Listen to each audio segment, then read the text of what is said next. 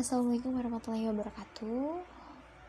Pada malam hari ini, aku ingin mempersembahkan suatu podcast yang spesial banget hari ini untuk teman-temanku yang sangat amat aku rindukan di luar sana yang sudah tidak lagi melakukan hal-hal secara bersamaan yang sudah tidak lagi melakukan berbagai macam hal yang biasanya kita lakukan bersama. Semoga kalian tetap semangat di mana pun kalian berada, karena ada Allah yang senantiasa bersamamu. Jadi, podcast kali ini adalah tentang berdoa, dan kalian harus berdoa yakin semiliar persen. Kenapa kayak gitu? Kita langsung aja simak podcast pada malam hari ini yang especially buat kalian semua. Untuk tetap semangat pastinya menjalani hari-hari berikutnya di esok hari. Dan aku harap kalian suka. Bagaimana rasanya diremehkan oleh teman sendiri? Marah semarah-marahnya Padahal kenyataannya memang benar bahwa kita belum tentu bisa melakukan hal tersebut. Tapi bagaimana jika kita sudah pasti bisa melakukannya? Tentu saja sifat meremehkan mereka merupakan penghinaan yang besar. Lantas bagaimana menurutmu tentang seseorang yang merasa bahwa doanya terlalu mustahil untuk bisa terwujud? Bukankah ini secara tidak langsung meremehkan kekuasaan Allah? Ia merasa bahwa apa yang dicita-citakannya terlalu besar dan terlalu sulit. Ia pun meragu, lantas berhenti berharap, berhenti berdoa, berhenti menyerah, dan berputus asa.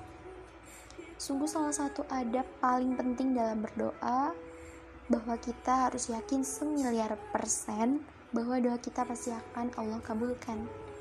Jika kamu merasa bahwa apa yang kamu minta terlalu besar, maka jangan lihat apa doamu, tapi lihatlah kepada siapa kamu meminta, kepada siapa kamu berdoa. Dialah Allah, pemilik alam raya, raja dari segala raja, yang maha kuasa atas segala di hadapan Allah. Segala yang mustahil bertekuk lutut dilibas oleh kemahakuasaannya. Belum sampaikah kepadamu kisah-kisah penuh keajaiban itu? Mari aku ceritakan kembali. Inilah Nabiullah Yunus yang terjebak di dalam tiga kegelapan. Kegelapan malam, kegelapan kedalaman samudera yang gelap, dan kegelapan perut ikan.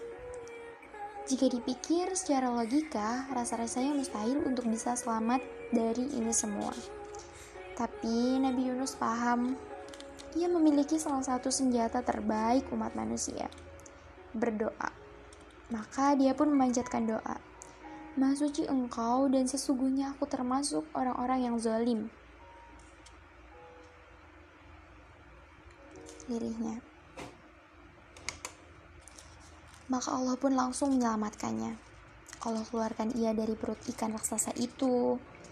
Kemudian inilah Nabiullah Zakaria ia dan istrinya sudah berada di umur yang senja.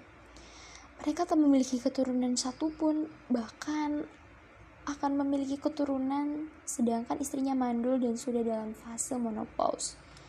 Sedangkan Nabi Zakaria sendiri sudah tua. Meski begitu, Nabi Zakaria tetap membacakan doa terhadap tetap berharap kepada Allah. Ya Tuhanku,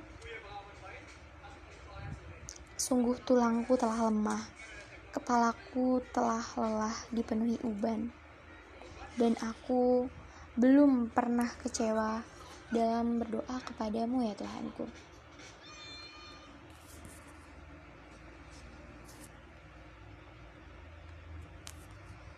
Setiap hari berdoa dan terus berdoa. Sampai suatu ketika ketetapan baik itu akhirnya datang. Allah kabulkan doanya, Bahkan sebagai hadiah tambahan, Allah sendirilah yang langsung memberikan nama anaknya. Allah berfirman memanggilnya dengan lembut, Wahai Zakaria, kami memberi kabar gembira kepadamu dengan seorang anak laki-laki, namanya Yahya, yang kami belum pernah memberikan nama seperti itu sebelumnya. Al-Quran Surat Maryam ayat ke-7 Sungguh tidak ada yang sulit di hadapan Allah, maka yakinlah bahwa doa-doamu pasti terkabul. Rasulullah Shallallahu Alaihi Wasallam bersabda, berdoalah kepada Allah dan kalian yakin akan dikabulkan. Ketahuilah, sesungguhnya Allah tidak mengabulkan doa dari hati yang lalai dan lengah dengan doanya. Hadis Rasulullah Tirmizi. Salah satu cara terbaik untuk menambahkan keyakinan bahwa doa kita pasti terkabul adalah dengan mengingat kembali doa-doa yang pernah Allah kabulkan dulu. Sepanjang hidup kita, jika diingat-ingat, pasti ada doa yang pernah dipanjatkan, kemudian Allah kabulkan. Berbisiklah pada dirimu sendiri, bukankah Tuhan tempatku meminta saat ini sama dengan Tuhan tempatku meminta waktu itu? Bukankah Tuhan yang akan mengabulkan doaku saat ini sama dengan Tuhan yang mengabulkan doaku waktu itu? Pertanyaan ini akan menumbuhkan keyakinan di hati. Sebagaimana Allah mampu mengabulkan doaku yang dulu, maka tentulah Ia sangat mampu untuk mengabulkan doaku yang sekarang. Aku hanya perlu lebih bersungguh-sungguh lagi. Menakjubkannya, cara ini akan membuat kita masuk ke dalam siklus kebaikan Pengabulan doa yang pertama akan melahirkan keyakinan akan pengabulan doa yang kedua. Kemudian pengabulan doa kedua melahirkan keyakinan akan pengabulan doa ketiga. Begitu seterusnya.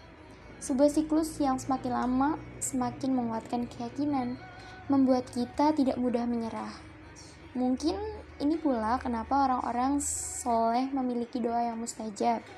Karena keyakinan mereka yang begitu kuat terhadap pengabulan doa itu sendiri. Keyakinan yang lahir dari pengabulan atas doa doa sebelumnya. Sejatinya doa adalah tentang merasakan Allah. Tapi bagaimana akan merasakan Allah sedangkan kita sendiri meragukan doa-doa kita maka dari itu jika kamu merasa bahwa apa yang kamu minta terlalu besar maka jangan lihat apa yang kamu minta tapi lihatlah kepada siapa kamu meminta.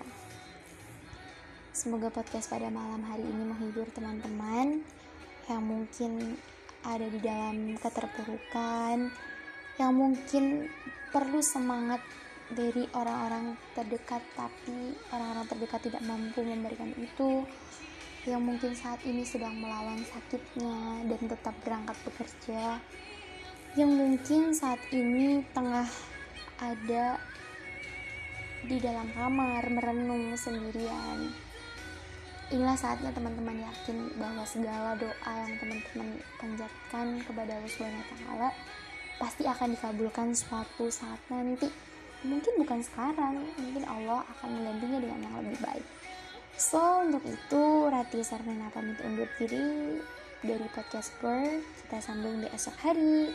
See you next time and bye-bye. Wassalamualaikum warahmatullahi wabarakatuh.